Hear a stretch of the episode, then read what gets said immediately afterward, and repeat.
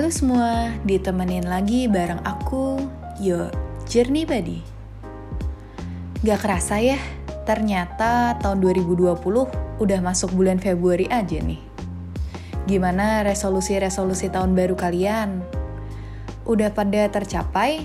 Atau udah pada mulai dikerjain belum?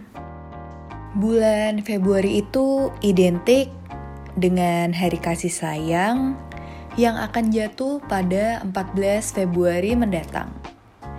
Gimana teman-teman?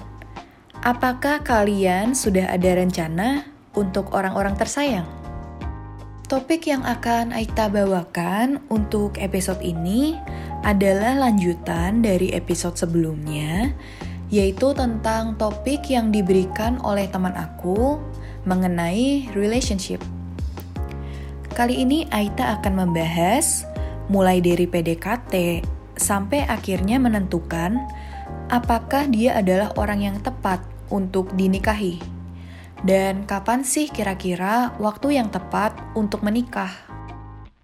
Nah, bagi teman-teman yang sudah punya rencana untuk nembak gebetannya atau melamar pasangannya di hari Valentine besok, Semoga sharing di episode kali ini dapat membantu memantapkan langkah kalian untuk memasuki jenjang selanjutnya. Dan bagi teman-teman yang nantinya akan ditembak atau dilamar di hari Valentine besok, semoga sharing ini dapat menjadi pertimbangan-pertimbangan untuk mengambil keputusan dalam memasuki hubungan selanjutnya. Dalam pembahasan kali ini, aku nggak bawa stigma-stigma sosial yang berkaitan dengan gender. Misalnya, yang nembak harus cowok, yang terima cewek, atau yang PDKT harus cowok, yang di PDKT-in harus cewek. Kayak gitu, aku lebih pengen pembahasannya kita universal aja. Pembahasan pertama yaitu mengenai PDKT. What to expect in pre-relationship and how to know her or him better. Biasanya dalam masa PDKT, seseorang cenderung melihat ke arah luar, yaitu ke arah lawan jenis mereka, fisiknya, sifatnya, kebaikan dan keburukannya. Itu tentunya bukan suatu hal yang salah. Tapi menurut aku, dalam menjalani hubungan serius, pertama-tama seseorang harus melihat ke dalam dirinya sendiri. Dimulai dengan pertanyaan, "Sudah siapkah saya untuk menjalani hubungan baru?" Karena nggak sedikit orang yang memulai masa PDKT, tetapi sebenarnya mereka belum siap Misalnya mereka PDKT hanya sebagai pelampiasan, pengisi kekosongan, atau untuk menemani kesepian aja. Bisa juga mereka itu memang mau melakukan PDKT, tetapi trauma-trauma atau luka-luka di masa lalu mereka belum disembuhkan. Kedua hal ini pastinya akan berpengaruh terhadap hubungan mereka semasa PDKT. Ada juga nih yang melakukan PDKT hanya karena iseng-iseng aja. Misalnya melihat lawan jenis, kemudian mereka tertarik secara visual. Oh dia ganteng ya, oh dia cantik ya. Kemudian dilakukanlah PDKT tersebut. Ternyata setelah berjalan, mereka nggak ngerti nih hubungan ini mau dibawa ke arah mana. Nah, dua hal tadi yang aku sebutin menandakan bahwa kita melakukan PDKT tetapi diri kita sendiri belum siap. Sehingga hubungan ini pun tidak akan berlanjut ke mana-mana dan bahkan mungkin akan menyisakan luka di salah satu pihak. Maka dari itu menurut aku, sebelum kita melihat ke arah luar, ke arah lawan jenis kita, alangkah baiknya kita memastikan bahwa diri kita memang benar-benar siap untuk menjalani suatu hubungan baru. Siap sakit, ya pasti dong ketika kita menjalani hubungan dengan orang lain, Apalagi hubungan asmara pasti erat kaitannya dengan rasa sakit hati gitu. Kemudian kita juga harus siap menerima. Nah, ini penting banget terutama buat kalian yang mau melakukan hubungan serius. Karena tidak ada seorang yang sempurna. Dan kita nggak bisa hanya terima kelebihannya aja. Kita juga harus menerima kekurangannya. Itu yang aku maksud dengan siap menerima. Intinya yang paling penting, kita harus siap untuk membuka diri kita. Kesiapan kita untuk membuka diri nantinya berkaitan dengan dua hal, yaitu yang pertama, keterbukaan dalam sebuah hubungan, dan yang kedua, bagaimana cara mengenal pasangan kita lebih jauh. Tentunya di awal-awal masa PDKT, kita ingin mengenal pasangan kita lebih jauh lagi. Tetapi belum tentu dia itu bisa langsung terbuka pada diri kita. Nah, gimana caranya untuk membuat mereka terbuka? Pertama harus diingat dulu bahwa kita tidak bisa memaksa seseorang untuk langsung terbuka pada diri kita kita harus memberikan waktu dan menjalani beberapa proses. Proses yang dilakukan dimulai dengan membuka diri kepada pasangan kalian. Nah, di sini menandakan bahwa kalian memberikan kepercayaan kepada pasangan kalian, dengan harapan bahwa pasangan kalian pun akan memberikan kepercayaannya kepada kalian dan mulai berani menceritakan tentang dirinya, tentang keluarganya, tentang lingkungannya, tentang teman-temannya, dan lain sebagainya. Setelah mereka memberikan kepercayaan mereka dan mulai bercerita tentang dirinya, langkah selanjutnya yang dapat kita lakukan yaitu membuat mereka merasa nyaman untuk bercerita lebih lanjut yaitu dengan cara menerima tanpa menghakimi.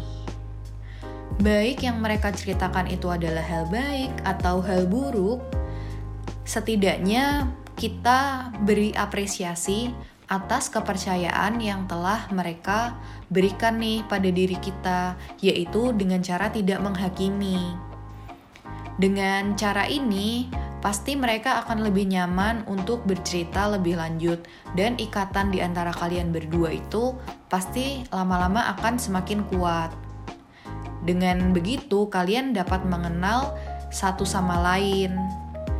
Dan akhirnya kalian dapat memutuskan nih, apakah kira-kira mereka adalah orang yang cocok untuk diajak ke jenjang hubungan yang lebih serius, misalnya pacaran, seperti itu. Oke, kita masuk ke tahapan berikutnya, yaitu tahapan pacaran. Setelah berpacaran, keterbukaan itu akan semakin kompleks, bukan hanya tentang siapa diri kita, bagaimana lingkungan kita, bagaimana keluarga kita, tetapi juga bagaimana perasaan kita dalam menjalani hubungan tersebut. Misalnya nih, tiba-tiba kita merasa jenuh atau tiba-tiba kita merasa tidak dihargai atau mungkin ada kebiasaan-kebiasaan dari pasangan kita yang sebenarnya kita tidak suka. Nah, beberapa orang ini tidak mau jujur atau tidak mau menceritakan tentang perasaan-perasaan mereka. Alasannya ya bisa jadi karena takut putus, malas ribut, hal-hal seperti itu. Tapi jika perasaan tadi hanya dipendam dan tidak diungkapkan, maka nanti akan dapat menimbulkan permasalahan baru di kemudian hari. Maka menurut aku ada baiknya jika menghadapi situasi seperti ini, kita ambil waktu yang tepat dan suasana yang tepat untuk membicarakannya dengan pasangan kita.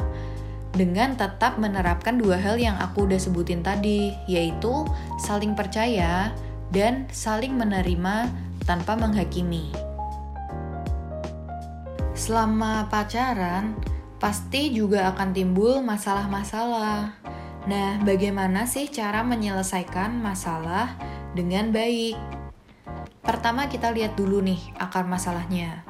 Biasanya itu ada dua akar masalah, yaitu masalah ego dan masalah pihak ketiga. Aku bahas dulu yang pertama yaitu masalah ego. Masalah ego itu contohnya perbedaan pendapat, tapi nggak ada yang mau ngalah. Yang kedua, mereka biasanya single, ke mana-mana nggak perlu izin, mau ngapain aja bebas. Tapi sekarang kebebasan mereka itu terbatas karena keberadaan pasangan mereka. Nah, hal-hal kecil ini nantinya akan dapat menimbulkan masalah. Nah, gimana sih cara menyelesaikan permasalahan yang berkaitan dengan ego? Pertama, perlu diingat bahwa ego itu akan dihancurkan oleh cinta. Ini benar, aku bukannya gombal, tapi semakin kita mencintai pasangan kita, pasti kita akan semakin menurunkan ego kita dan menyamakan dengan keinginan pasangan kita. Satu-satunya yang dibutuhkan untuk menyelesaikan masalah ego ini adalah waktu. Karena pacaran itu kan proses ya, dan mungkin prosesnya itu nggak melulu bahagia, tapi ada sedihnya, ada marahnya, ada berantemnya dan semakin kita dapat menyelesaikan masalah itu bersama-sama, aku yakin rasa cinta itu akan semakin tumbuh, semakin tumbuh. Asal jangan ada yang nyerah. Kalau satu pihak pergi, ya udah hubungan ini kan selesai. Tapi segala hal yang kamu butuhin yaitu waktu untuk menumbuhkan rasa cinta yang akhirnya rasa cinta itu akan menghapuskan ego dari masing-masing orang. Karena aku adalah satu dari beberapa orang yang percaya bahwa cinta itu nggak ada yang datang secara tiba-tiba. Cinta itu tumbuh. Kalau suka mungkin bisa ya suka pada pandangan pertama. Tapi kalau cinta itu pasti membutuhkan proses. Selanjutnya kita bahas yuk masalah yang diakibatkan oleh pihak ketiga. Pihak ketiga itu contohnya teman, orang tua, keluarga, atau bahkan cewek dan cowok lain. Nah, gimana sih cara menyelesaikan masalah yang diakibatkan oleh pihak ketiga? Pertama, kita lihat dulu batas toleransi masing-masing orang, kita dan pasangan kita apakah masih bisa dikompromikan? Ya kita harus nego gitu satu sama lain. Kayak aku maunya gini, kamu maunya gini. Ada nggak jalan tengahnya? Dan satu hal yang perlu diperhatikan yaitu tidak boleh berat sebelah. Kita nggak boleh berat ke pasangan kita ataupun ke pihak ketiga tersebut. Kita harus berada di tengah-tengah netral gitu. Ketika memang kita di posisi yang terjepitnya gitu. Dan kalau memang akhirnya nggak ada jalan tengah dan memang harus selesai hubungan ini, ya sudah, karena pihak ketiga itu akan lebih rumit ya masalahnya, terutama jika ada cewek atau cowok lain. Itu kan masalah prinsip yang biasanya batas toleransinya emang rendah gitu. Tapi kalau memang masih ada jalan tengahnya yang bisa kita ambil, ya alangkah baiknya kita ambil jalan tengah tersebut. Tentukan pilihan apakah bisa diterima atau enggak gitu. Setelah melalui proses-proses tersebut, maka akan timbul pertanyaan nih, sebenarnya kapan sih waktu yang tepat buat seseorang itu untuk menikah? Nah, aku nggak berapa lama sebelum ini emang sempat ngebahas masalah kapan sih waktu yang tepat untuk nikah dengan papi aku. Dan memang sebenarnya tergantung dari kesiapan masing-masing individu ya. Ada yang menilai kesiapan pernikahan itu berdasarkan kecukupan materi. Ada yang menilai berdasarkan kalau udah ada tempat tinggal. Ada yang menilai dari kesiapan mental. Ada yang melihat juga dari masalah keluarga, dan lain sebagainya.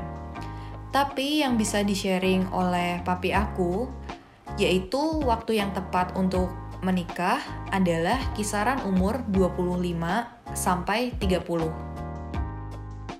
Jadi, menurut pengalaman beliau dan pengalaman orang-orang di sekitar beliau, umur 25 sampai 30 itu masalah yang kita hadapi dalam tanda kutip belum terlalu besar. Sehingga kita masih memiliki banyak waktu untuk membangun fondasi dalam berumah tangga ini. Karena masa-masa awal pernikahan itu kan justru masa-masa yang masih rapuh. Kalau fondasinya nggak kuat, bisa jadi justru malah berakibat ke perceraian.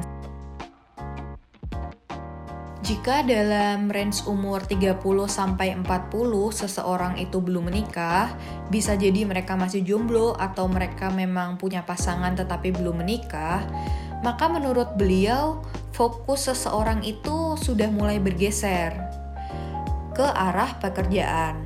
Jadi, di range umur tersebut, pekerjaan itu akan semakin kompleks dan semakin menyita waktu.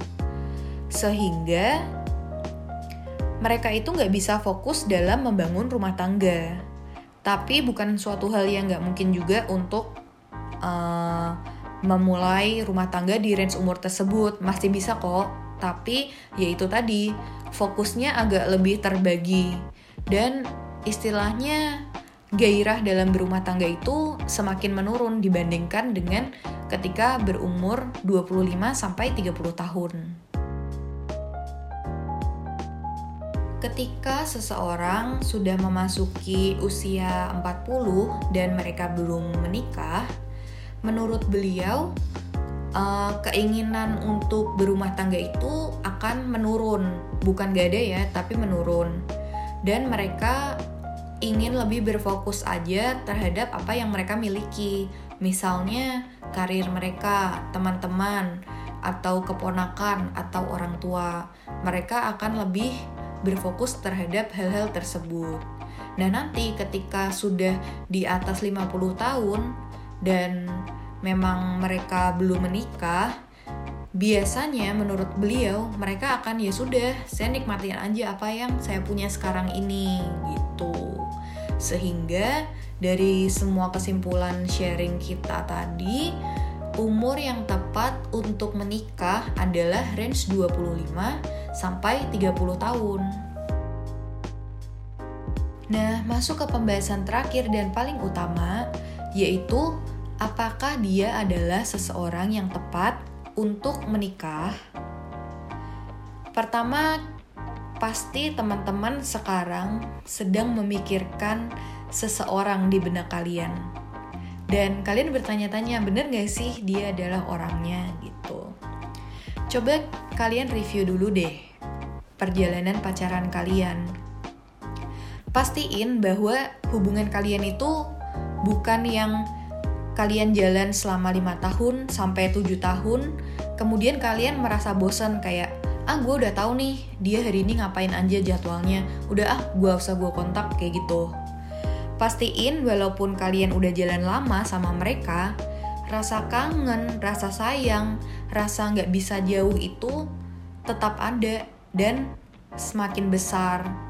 Gak cuman bucinnya di 1 sampai 3 bulan pertama, tapi sampai 5 tahun, 7 tahun kalian masih tetap bucin gitu.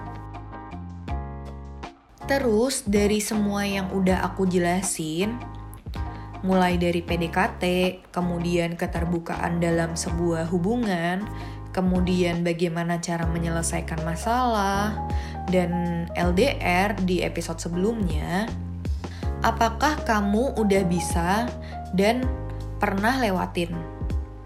Menurut aku, pastiin kita pernah dan bisa melewatinya.